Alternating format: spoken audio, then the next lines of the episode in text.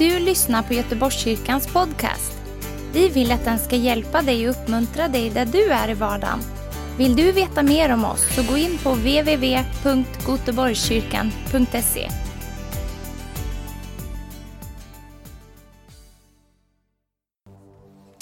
Underbart att ni sätter er ner. Ännu underbarare om ni också säger hej till någon som sitter nära er. Ni får göra som ni tycker att det passar bra. Bara nicka lite eller ge en armbåge eller en hand. En del vågar ju till och med kramas nu, det tycker jag är fantastiskt. Det är ju så att vi eh, predikar ifrån apostlagärningarna och alla är ju inte så kända med eh, Bibeln. Och eh, en del av er som är med här via TV Vision Sverige, ni har följt oss ända från början. En del var med redan när vi började i Johannes evangelium, gick igenom 21 kapitel och nu har vi gått igenom många kapitel i Apostlagärningarna. Men så var det ju en del som hoppades över, en del ifrån kapitel 15. Och eh, lite varför kommer jag att förklara sen här i texten, för det kommer bli en special, undervisning om det. Men nu är vi i kapitel 16. Hur många är det här som någon gång har läst hela Apostlagärningarna? Ska vi se om det finns. Det är faktiskt de allra flesta. Det är så mycket spännande läsning. Det händer mycket. En del tror att Apostlagärningarna hände på ett par år, eh, men det var en ganska så lång tidsperiod. Och nu när vi kommer in så är vi ungefär 49 år efter Kristus. Så det har gått några år här så eh, vet ni det. Och det som, vi, går direkt in i texten här och så står det så här, Paulus kom också till Derbe och Lystra. Det fanns en lärjunge som hette Timoteus. Det här är så väldigt viktigt. Den som känner sin bibel förstår att det är speciellt viktigt därför att Timoteus, han var Paulus närmaste lärjunge. Den som liksom var mest trofast Eh, och som fanns vid hans sida och som han hade särskilt förtroende för. Men också som han kallar för sin andlige son. Och, och det har att göra med eh, historien och det som har varit. Och det verkar som att Timoteus var med redan och såg när Paulus blev stenad. Så fruktansvärt att man räknade honom som död. Då var Timoteus kanske bara en tonåring vid den tiden. Men det här är några år efteråt, kanske fyra, fem år efter den här förföljelsen i Lystra. Och så står det så här om Timoteus, fortfarande i vers 1. Han var son till en troende judinna och hans far var grek. Läser vi vidare sen i andra Timoteus, kapitel 1 så står det också att hans både mamma och mormor de var troende. Och då är det så här, när de, man förstår att de är en troende judinna, de var judar men de hade börjat tro på Jesus Kristus som, som Messias. Och förmodligen hände det här då eh, fyra, fem år tillbaka i det som eh, när de började predika evangeliet i Lystra. Så har ni lite historia och lite koll här, många vill ha det. Och så står det om Timoteus rykte. Vad hade han för rykte? Bröderna i Lystra och Ikonien talade väl om Timoteus. Och allt så, wow. Men nu kommer något mycket märkligt. Så håll i kepsen nu. Eftersom Paulus ville ha honom med på resan tog han och omskar honom av hänsyn till judarna i de trakterna, ty alla kände till att hans far var grek. Vad är det som händer här? Alltså, nu står det så i vers 4, och då blir det ännu märkligare. När de reste genom städerna överlämnade det åt bröderna de föreskrifter som apostlarna och de äldste i Jerusalem hade fastställt. Vad var det för papper, dokument eller egentligen dogma? Vilket betyder att det var liksom tunga dokument, dokument som talar om att tänka rätt. Jo, då hade de haft ett apostlamöte. Då de hade konfirmerat att frälsningen är bara genom Jesu Kristi nåd. Inte genom att hålla lagen. Och inte som en del då eh, ville få in i församlingen att alla måste också bli omskurna, alltså männen då. Annars kunde de inte bli riktigt frälsta. Och så står det så här då, det är så motsägelsefullt. Paulus har ju varit med och drivit igenom det här. Frälsningen är bara av nåd. Varför ska då hans lärjunge, en ung man, bli omskuren? För att det var många judar i den trakten. Det här är en av de frågorna som har kommit, många har frågat, ställt just den här frågan inför texten. Vad beror det på? Och så, som någon uppmärksammar i Galaterbrevet kapitel 2, jag behöver inte läsa det sammanhanget eftersom vi inte har så mycket tid, så står det att Titus, han blev inte omskuren. Men varför Timoteus då? Jo, Titus han var grek. Och skulle man då gå med på att han skulle bli omskuren, då skulle allt det här krockat. Då skulle man verkligen, ja men hallå, då ska ju liksom alla greker, alltså alla icke-judar bli omskurna fast man har tagit emot Jesus Kristus som frälsare och upplevt frälsningen som, som en gåva från Gud. Men hur var det med Timoteus? Han var, han var son till en judina, judinna. Alltså enligt lagen så var han en jude. Men pappan var grek, står det. Och så förmodligen så hade pappan, greken, hindrat det här med omskärelsen. Och detta skulle väcka anstöt. Så var än Paulus gick med Timoteus, och de fick reda på att Timoteus, son till en judinna, inte var omskuren, så skulle de inte lyssna på Timoteus, de skulle absolut inte lyssna på Paulus och de skulle stänga sina hjärtan för evangeliet. Så det finns alltså tillfällen då vi gör saker för att anpassa oss som vi egentligen inte behövde. Men vi anpassar oss, inte efter den här världens livsmönster, utan för att människor inte ska ta anstöt. Det här är kärlek och det här skriver Paulus så många gånger om. Han, och det ska vi läsa nu, exempelvis första Korinthierbrevet kapitel 9 som är ett nyckelställe. Och du som vill vinna människor, du som tycker att du ska göra precis som du själv och du har din frihet och din rättighet och du kanske märker att det inte är så många som lyssnar på dig. Du kanske ska lyssna lite extra nu när jag läser i första Korinthierbrevet 9 hur man inte ska klampa i klaveret. Vers 19. Eftersom jag är fri och oberoende av alla, så säger Paulus, har jag gjort mig till allas tjänare. Visst är det motsägelsefullt? Han var ju fri, men han gjorde sig till alla tjänare. Vilken ödmjukhet. Han var fri, men offrade sin frihet för att tjäna. Så kärleken till Gud är större än vår frihet och rättighet. Jag har gjort mig till alla tjänare för att vadå? Vinna desto fler. för judarna har jag blivit som en jude för att vinna judar. För de som står under lagen har jag, som inte själv står under lagen, blivit som den som står under lagen för att vinna dem som står under lagen. Han kom ju från det och han gick in under det. Inte för att han måste, utan för att vinna dem. Hallå, finns det någon som vill vinna människor här? Eller är du bara, jag ska ha frihet, jag ska ha mina rättigheter. Det kommer att vara avgörande för hur vi som församling når människor i dagens samhälle med alla dessa olika slags kulturer. Om vi bara vill köra vårt race, vi vill bara göra hur vi vill, hur vi känner för det, för vi är fria, frälsta av nåd. Och så kommer vi istället att väcka anstöt. Vad står det mer? Jag läser. För de som är utan lag har jag blivit som den som är utan lag.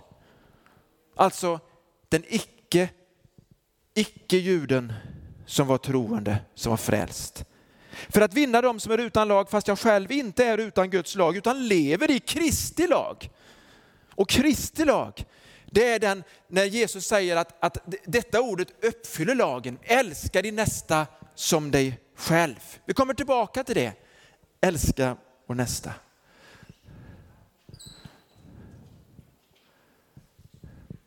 För det svaga har jag blivit svag för att vinna det svaga. Visst är det här bra? För det svaga har jag blivit svag. Vilka var de svaga? Hade man liksom någon speciellt klena och taniga i församlingen, de hade man en liten grupp. Nej, utan de som var svaga i tron. Alltså de som lätt tog anstöt. Och det kunde vara så här att I en del städer och i synnerhet här var nästan all mat offrad till avgudar. Här var det romerska eh, avgudar, eller grekiska avgudar. Vi hör ju om de här, de här namnen hela tiden. Maten var offrad till dem. Om någon sa, jag kan inte äta det, för det är offrat till avgudar, alltså det blir ju demoner. Jag kan inte äta det. Men den som var stark sa, men, ja, men jag är frälst, jag är ren, allt, liksom, jag kan äta allt, allt. Men om man då åt, då väckte man anstöt för den som var svag. Och så lyssnade inte han på dig, för du bara åt någonting som hans tro inte kunde tillåta honom. Även om han ville tro på Jesus på samma sätt som du. Är du med mig nu?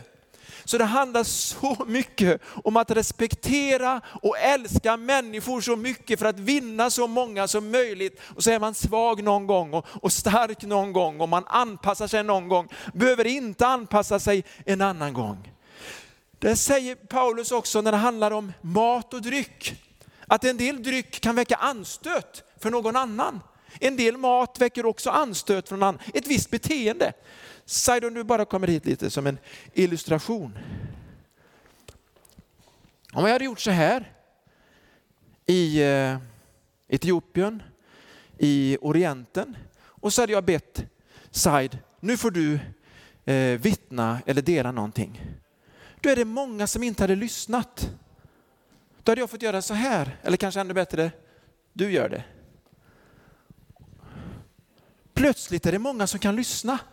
Därför i den kulturen, eller i den bakgrunden, så är det inte respektfullt att ha hatt på, eller mössa på, eller huvudbonad när man talar Guds ord.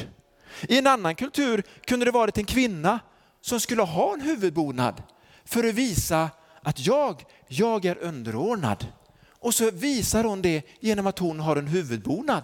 Det skulle också vara effektfullt i den osynliga världen bland änglarna. Jag tänker, wow, Alltså vi tar emot beroende på hur vi är mot människor. Är det någon som vet vad jag pratar om? Och Saida vet om det här bara så ni vet. Han har full koll. Han har varit med på många missionsresor.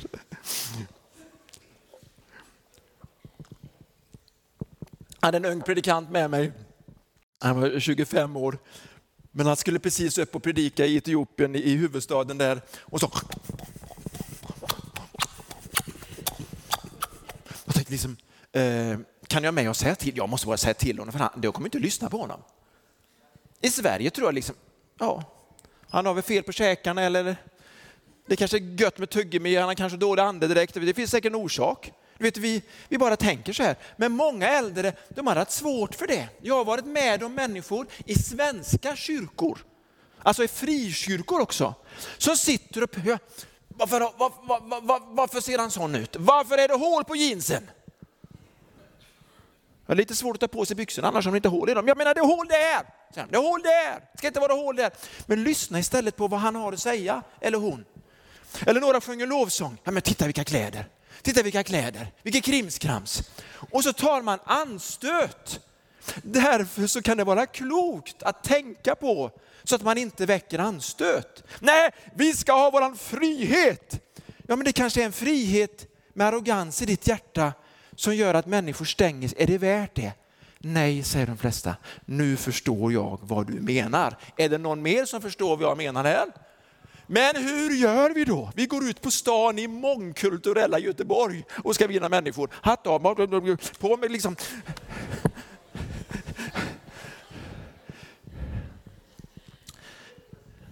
då utgår man ju ifrån, om man står och förkunnar, man försöker vara neutral, man försöker vinna så många som möjligt.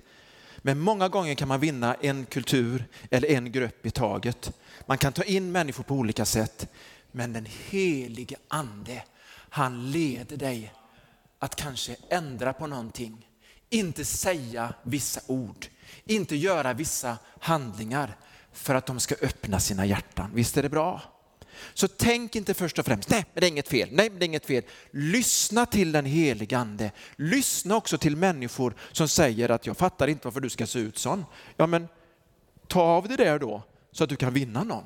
Det kanske kan vara så här att om jag skulle komma till en gymnasieskola idag kanske jag skulle kunna komma så här. För jag är ju ändå en gubbe på 57 år, eller hur? Men om jag var en kille på 18 år så tror jag de hade svårt för att lyssna om jag liksom kom så här. Är ni med? Då ska det vara liksom, det är lite lättare att ta till sig när någon är lite mer, ska jag säga, vanlig eller enkel. Men framför allt så tror jag att människor lyssnar på oss för att de känner att vi älskar dem. Och ibland kan det bara ta lite tid. Så får vi ha både keps och hål i byxorna. Halleluja! Visst är det underbart? Och vi kan ha musik som är dunder och dunk och dunk. För många av våra äldre säger, jag fattar mig inte på dunk, dunk, dunk musiken, men jag älskar de här ungdomarna som är i den här lokalen. Så det har ju också med dig att göra om du ska kunna ta emot. Kanske du också som lyssnar ska ha mer kärlek och mer öppenhet och få reda på vad Gud säger till dig idag. Halleluja! Varför ska jag, har jag nu hoppat över Apostlagärningarna 15 om alla de här bestämmelserna? Jo, därför att lite senare så ska jag ha en förkunnelse om hur den heliga ande hjälper oss att lösa problem, att lösa konflikter och med beslutsfattande. Tyvärr kommer inte den predikan än, men det är från Apostlagärningarna 5. Den kommer senare som är lite speciellt designad. Så står det så här i vers 6. Nej, förlåt. Nu har jag i första Korinthierbrevet. Nu går vi tillbaka till eh, Apostlagärningarna.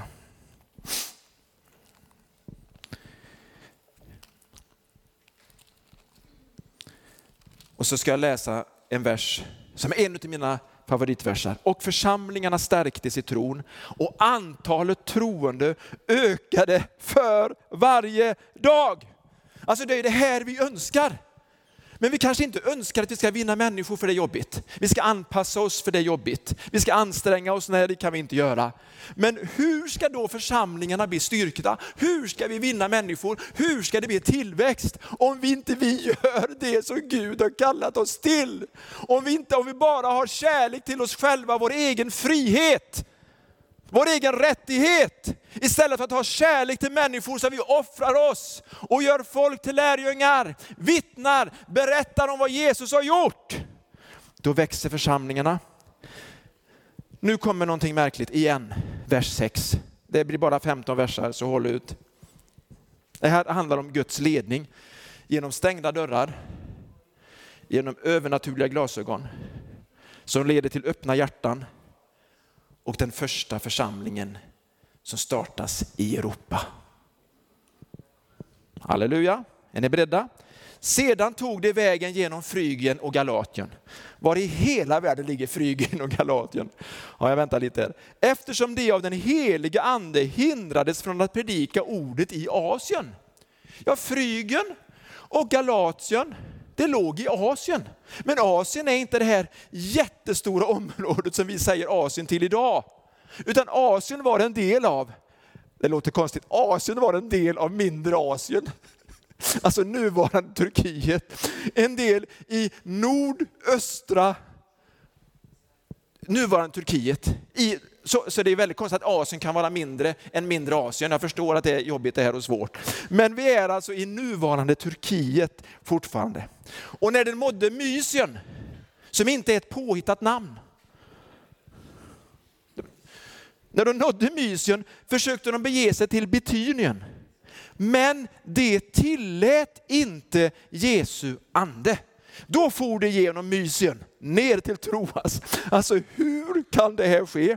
Att den heliga ande hindrar dem från att predika ordet. Ni kommer säkert att höra predikanter, frimodiga människor, vanliga enkla lärjungar säga, det är aldrig fel att predika Guds ord. Det är aldrig fel att ge ett ord om Herren, aldrig fel att vittna. Man ska vittna i tid och otid och det är ju faktiskt ett bibelcitat det där också. Men det finns gånger då den helige ande säger, inte nu. Det innebär inte att det är fel att predika. Men det är inte timing och det ska inte vara där. Man blev hindrad. Jag tänker, har du varit med om det någon gång? Ja, jag har varit med om det ett antal gånger. Oftast när jag ska predika. Och, och den helige ande säger, inte, men jag älskar ju den, inte den texten, jag äl, den berättelsen, jag, inte den berättelsen, det är inte timing. Det är det här du ska tala om nu. Ja, men jag har ju skrivit, jag har ju det här i utkastet. Men jag bara, det är inte nu du ska berätta det. Ja men det är ju Guds ord, ja men det är inte nu. Vad hände med de här människorna i mindre Asien, i Galatien och Bitynien och alla de här platserna? Vad hände med dem, Frygien? Det blev stora härliga församlingar. Det var liksom också ett område i Tyatyra där det växte fram en församling i Efesus. Stora församlingar, men då skulle inte ordet predikas där. Men så står det Jesu ande. Vad är, det? är det en ny ande som dyker upp här nu? Vi har ju helig ande och Guds ande och, och min faders ande. Det är samma ande, det är samma heliga ande. Kärt barn har många namn. Halleluja! Och så står det så här. På natten såg Paulus en syn, en man från Makedonien stod där och bad honom, kom över till Makedonien och hjälp oss. När man hade sett denna syn försökte vi genast ta oss till Makedonien. Eftersom vi förstod att Gud hade kallat oss att predika evangeliet för dem. Alltså det stängs en dörr. Jag har varit på platser och bara upplevt, det är inte nu. Eller gå dit istället. Och man känner sig dum. Vi var på väg till Etiopien första gången, och jag har berättat det här förut. Och ingen dörr hade öppnats. Och jag har med mig lärlingar och jag kan inte med och säga till dem, vi har ingenstans att predika. Jag tänkte liksom bli en intressant turistresa. Men jag försökte komma in på fängelset och predika, det var ingen kontakt. Jag hade skrivit brev till en handikappförening, tänkte att de skulle förbarma sig över oss. De svarade inte. Jag hade skrivit brev till gamla missionärer med mejl, de svarade inte. Men så finns det någon som tar emot oss på flygplatsen och det är Kifle. Jag tror att många kommer ihåg Kifle. Och han vinkar, han är så glad, han visste att vi skulle komma. Och då säger han bara, det finns en öppen dörr för er, säger han. Ni ska predika på en bönekonferens imorgon. Och då tänkte jag, åh nej, inte en bönekonferens. Är det någonting som etiopierna ska lära oss så är det om bön. Ska jag liksom komma dit och lära dem om bön? De liksom ber ju liksom hela dagarna 24-7 och väldigt högt och väldigt intensivt och de rusar fram liksom och ber och hoppar. Och så får jag under den natten sju stycken punkter från sju olika personer i Nya Testamentet som talar om bön. Och jag tyckte liksom, wow, jag förstår hur Gud verkar stänga en dörr och så öppnar han en dörr på ett sätt som jag inte hade tänkt. För jag tänkte jag ska, det, där är det öppet, det känns bra, där är jag bekväm. Så fick jag komma in i någonting där jag var helt beroende av Guds ande för att klara av det. En, en annat exempel. Jag får tillsammans med mina bröder en gratis resa till USA. Jag är typ drygt 29 år. Hade ni tackat nej till det? Hallå? Hade, det, hade du tackat nej till det? Nej, jag blev så glad. Alltså man vill, är man 29, man vill ju till USA. Och allt skulle betalas, flyg och, och mat och, och, boende skulle liksom vara hos släktingar där. Vi skulle representera släkten på en reunion. Och jag är glad. Men en natt så kan jag inte sova. Och jag upplever väldigt tydligt, jag ska inte åka. Och jag får ingen orsak, utan bara att åk inte, lyd. Och jag tänker, det känns så dumt därför att jag skulle inte få pengarna istället för resan. Det hade min pappa sagt. För liksom, nu ska du få det här, men du får inga pengar om du inte reser. En del vet ju hur man ska lägga fram det så att man inte bara utnyttjar och sådär. Okej, okay, jag avstår från det också. Jag ska inte resa. För mig var det viktigt att lyda. Det var inte timing. Vad hände sen? Kom jag till, kom jag till USA? Nej, men efter en vecka så får vår församling ett brev. Och i det brevet så är det en pastor som har varit kyrkoherde i Estland. Och den här kyrkoherden, han försöker komma till en församling i Sverige för han vill ha kontakt med svenskar. Och den stora församlingen där i, i Vårgårda, de var inte intresserade av någon anledning. Men vi tyckte det är jätteintressant. Vi vill ha kontakt med den här liksom, kyrkoherden som har blivit fylld av den heliga ande och botar sjuka. Sen blev han avstängd där, men han var med och planterade över 50 församlingar tillsammans med pingströrelsen i Estland. Visst var det intressant? Då fick jag också åka med honom dit till Estland. Öppen dörr, halleluja. Jag tänkte att jag förstår, Gud har olika planer med oss. Det är inte alltid vi ska dit som vi tror och tänker och som verkar bäst. Det kan vara näst bäst och hindra det som Gud hade tänkt. För mig var det här otroligt viktigt. Vad hände sen med USA? När jag fyllde 30 år fick jag lite gåvor och så kunde vi åka till USA. Allt betalades. Jag fick också dollar med mig. De sa så här, jag känner att du ska ha med de här pengarna och köpa gåvor till dina barn. Och så åker vi till USA, jag och min bror. Och den resan förvandlade mitt liv. Ni kan inte fatta, jag var ännu torrare än vad jag är nu. Och jag blev så fylld av den heliga ande. Jag kunde inte stå på mina ben. Jag skrattade av glädje och jag upplevde en sån, ett sånt överväldigande av den heliga ande. Tänkte jag blir aldrig mer densamme. Tack och lov, sa nästan alla i församlingen. Några blev sura och gömde sig. Men de tänkte, Christian, eftersom du, liksom, du har varit så ordentlig förut och vi vet ju liksom hur du är egentligen, så det gör ingenting att du är sån. Vi förstår ju ditt hjärta. Och så kunde jag liksom trots den här förnyelsen, eller på grund av den här förnyelsen, vara med och sprida den här elden vidare om kärleken i den heliga ande. Så jag tror på det här, att Gud kan stänga dörrar och hindra oss för att han har något ännu bättre för oss. Eller kanske inte för oss egentligen, utan för sitt rike för människor som han älskar så mycket, som han har dött för, som vi ska offra oss för. För vi är så egotrippade och så själviska i vår gamla natur. Men den heliga ande hjälper oss att tänka om och tänka rätt och tänka kärlek så att vi kan vinna fler. Nu undrar någon, vad händer då? Jo, den här mannen, visst läste jag det att mannen från Makedonien står och ropar kom och hjälp oss. Hur kan man se att en man är från Makedonien? Har vi någon från Makedonien här? Det här Makedonien, det var inte Makedonien som det är idag. Förlåt? Ja. Utan det här var Makedonien, ett, ett landskap i Grekland, i nuvarande Grekland. Det finns ju norra Makedonien, men det är inte samma område. Det här var i dåvarande, eller i nuvarande Grekland, Makedonien. Och så kom de dit och så predikade de evangeliet. Jag tror att Gud kan stänga dörrar, men han kan också öppna våra ögon. Och så läste jag här vad syn betyder. Och så stod det på engelska spectacle. Och så tänkte jag när jag var i England eller USA första gången och sa spectacles, jag hade ingen aning vad det var för spektakel de pratade om. Det var mina glasögon. Så det, alltså vi behöver spectacle, alltså ett spektakel, eller som det står, ett mirakel. Vi behöver ett synmirakel för att se vad Gud vill göra nästa steg med våra liv. Och när dörren var stängd så behövde de få se och öppnade ögon. Ni ska åka dit! Och då skulle de åka till Europa! Alltså tycker att det är jättebra. De ville gärna vara i Asien och gärna i Mysien och de vill åka omkring i det området och så kanske tillbaka till Judeen och, och Jerusalem helst. Men inte till Europa, det var farligt att vara över det stora havet och upp i bergen och så kommer de dit. Men de började i Troas och där står det plötsligt vi. Det är Lukas som skriver vi. Så den här, den här författaren Lukas, han var läkare. Och han har skrivit apostlagärningarna. Men han har också skrivit Lukas evangelium. Förmodligen den enda hedning som har skrivit någonting i Bibeln. Alltså han var icke-jude. Nu säger han vi. Jag tror att Guds timing var att de inte skulle dit, att de skulle träffa Lukas, att Lukas skulle bli en medarbetare, att vi skulle få apostlagärningarna, att vi skulle få Lukas evangelium. Hänger ni med?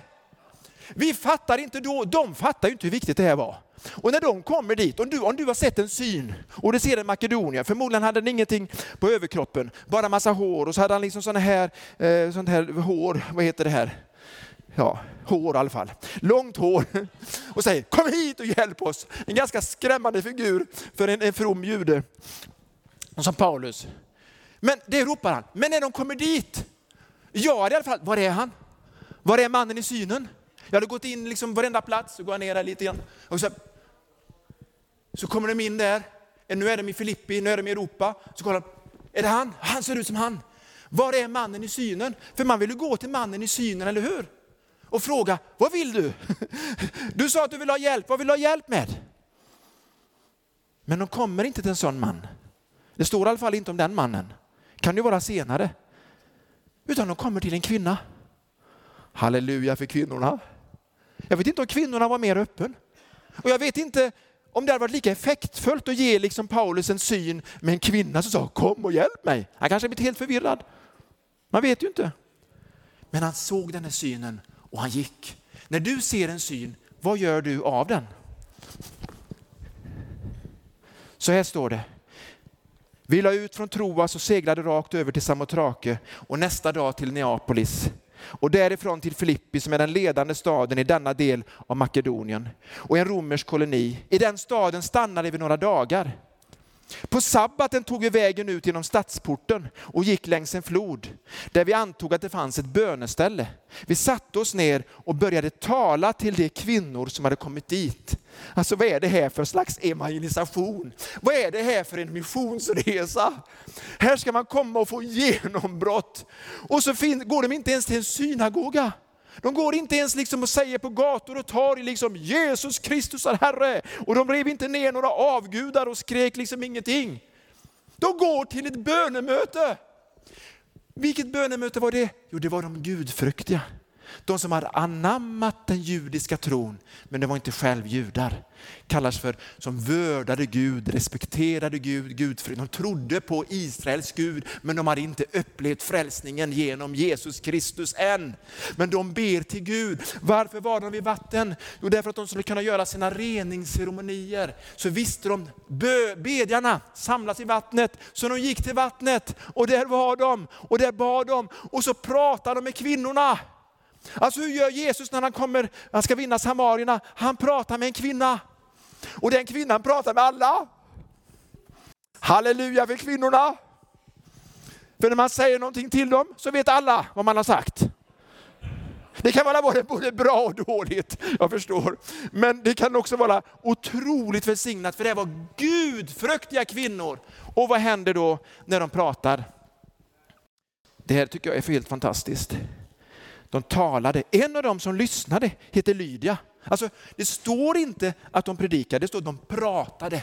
De konverserade, de samtalade. Det andliga samtalet. Du kan vinna människor genom att du talar om Jesus lugnt och sansat.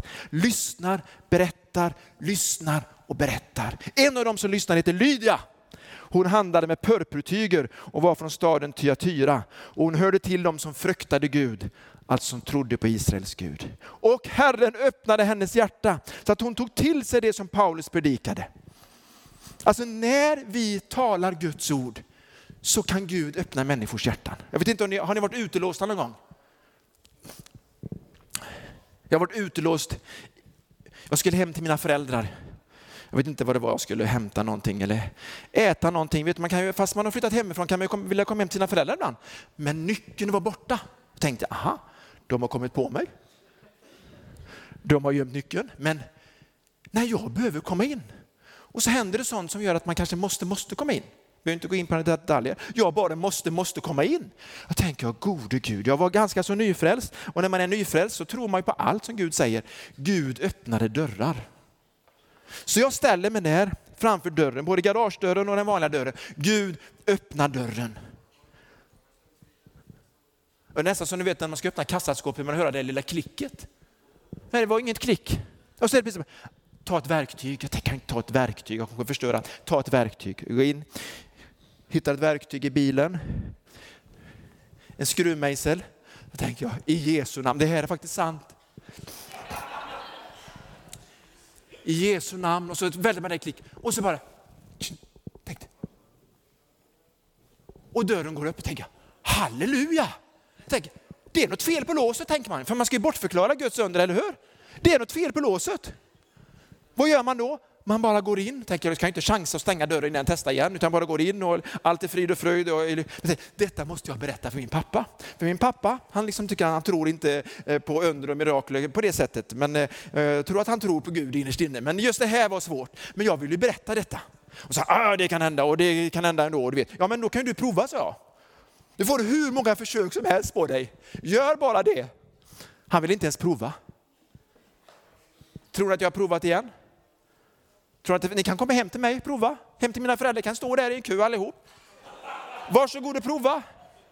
Jag tror ibland så behövs det tro, även om det är en sån enkel simpel sak som man behöver komma in. Man behöver Guds omsorg. Så kan Gud, men jag tror också det behövs ett verktyg. Jag tror att vi ska göra någonting i tro. När vi ber för människor så kan man lägga handen på. När man predikar så talar man ord, man berättar om Jesus, men Gud öppnar människors hjärtan. Vi talar Gud frälser. Så därför så kan du vara med. Vad hände med Lydia när hon, hennes hjärta öppnades? Hon öppnade sitt hem. När hon och alla i hennes familj hade blivit döpta bad hon, kom hem till mig och bo där, om ni bedömer att jag tror på Herren. Och hon övertalade oss. Alltså hon var affärskvinna. Hon handlade med liksom färger. Hon kom från Tyatyra. Hon kom alltså från Asien, så hon var ingen europe. Men hon öppnade sitt hem. Hon hade förmodligen mycket pengar, ett stort hushåll. För det står egentligen hushåll, inte familj. Hon öppnade alla i hushållet, förmodligen tjänarna. Om hon hade barn, familj. Alla lät döpa sig. Idag ska vi ha dop Halleluja, det är ju så fantastiskt underbart. Men tänk när alla i familjen säger, jag vill också följa Jesus. Jag vill också låta döpa mig. Sådan affärskvinna var hon Lydia. Så fantastiskt öppen var hon för Gud, att hon öppnar sitt hjärta. Vi kan se på människor, de verkar så framgångsrika, de verkar så rika, de verkar ha så mycket, verkar vara så duktiga och så övertygande. Men vi vet inte vad som finns i deras hjärtan. Vi kan prata, vi kan samtala med dem om Jesus. Och Gud kan öppna hjärtan och människor kan öppna sina hem. Och så startades den första församlingen i Europa i Lydias hem. Halleluja! Amen! Nu står vi upp allihop. Välkomna bibelklubben, välkomna kids i söndagsskolan. Vi ska strax göra oss ordning för eh, dop här. Och eh, det kommer vara så att eh, dopet sänds inte i TV Vision Sverige. Men du kan gå över till vår Facebook-sändning www.goteborgskyrkan.se. Då kan du få följa eh, dopet där, det blir fantastisk fest. Där man också säger i dopet att man bekänner Jesus som Herre, men också att man följer honom. Man lämnar det gamla bakom sig. Vi kommer att fortsätta här med Kevin och eh, lovsångsteamet och prisa Gud med fantastiska sånger. Och det är extra underbart att ni barn, tonåringar, ungdomar och ledare är här också. Men innan det så vill jag be med er. Och jag vill be med dig också som har lyssnat här.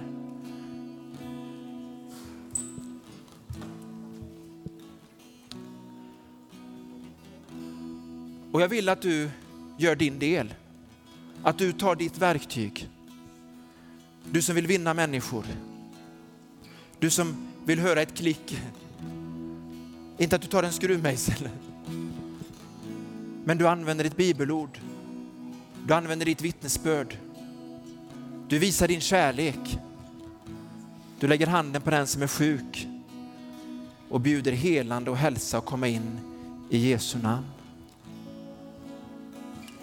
Det som händer när vi samarbetar med Gud på det sättet är att Guds vilja sker. Nu för tiden tror jag vi många kan vara övertygade om att i många kyrkor skulle man inte märka om den helige ande inte fick verka, för det skulle vara samma. Men vi vill vara en kyrka som tror att den helige ande ska leda och bestämma. Vi vill vara en församling som vill sända ut människor att predika evangeliet, att bota de sjuka. Vill du vara med? Vi vill vara en församling som berättar, som samtalar med människor. Du kanske tänker, måste jag gå ut på stan? Måste jag tala med sådana som aldrig har sett och hört förut? Det kanske inte är timing för dig just nu. Men Guds kallelse är att du ska göra lärjungar, att du ska dela evangeliet. Men det vore ju väldigt mycket smartare att börja med dem som redan har förtroende för dig med keps eller utan keps. Tala med dem som redan tycker om dig. Det kanske finns sådana i släkten där du är lite favorit, där du kan tala in i andras liv. Du kanske har en familjesituation där det finns sådana som har förtroende för dig i familjen. Eller du kanske har en arbetsplats där det finns människor som bara vill höra din story. För mig betydde det så mycket att min farbror Osborn var i kyrkan just när jag kom dit för första gången och han bara bjuder med mig till ett hem Alltså det betydde så mycket att jag blev bjuden till ett hem. Sen på kvällen så bjöd jag in Jesus till mitt eget hjärta och jag blev frälst. Det här kan hända dig också. Så jag frågar dig, vill du ha ett öppet hjärta?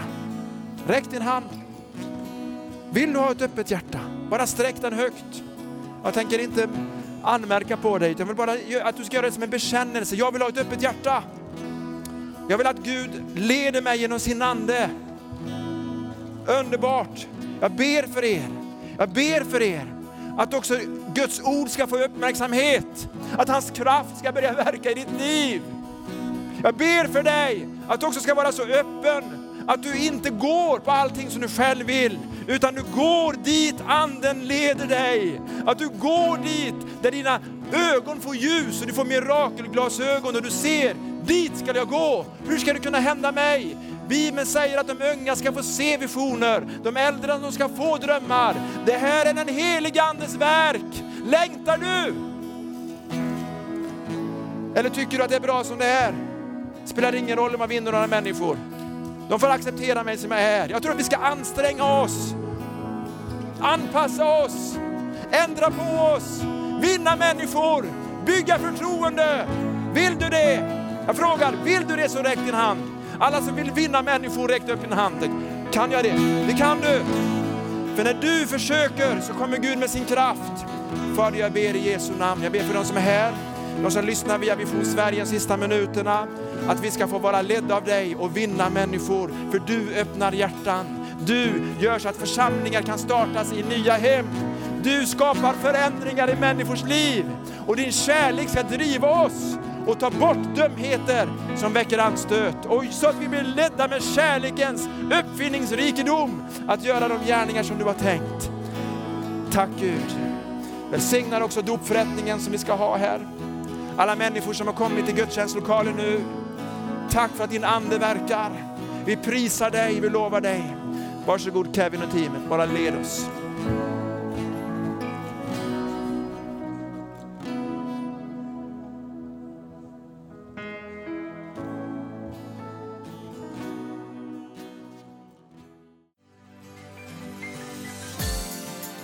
Att du har lyssnat. Dela gärna podden med dina vänner och glöm inte prenumerera. Om du har frågor eller vill att vi ska be för något så mejla oss på info På söndagar har vi veckans höjdpunkt. Då firar vi gudstjänst tillsammans och det vore så kul att träffa dig där. Men vi har även samlingar för barn då? Gå in på vår hemsida goteborgskyrkan.se så får du veta mer. Välkommen till oss!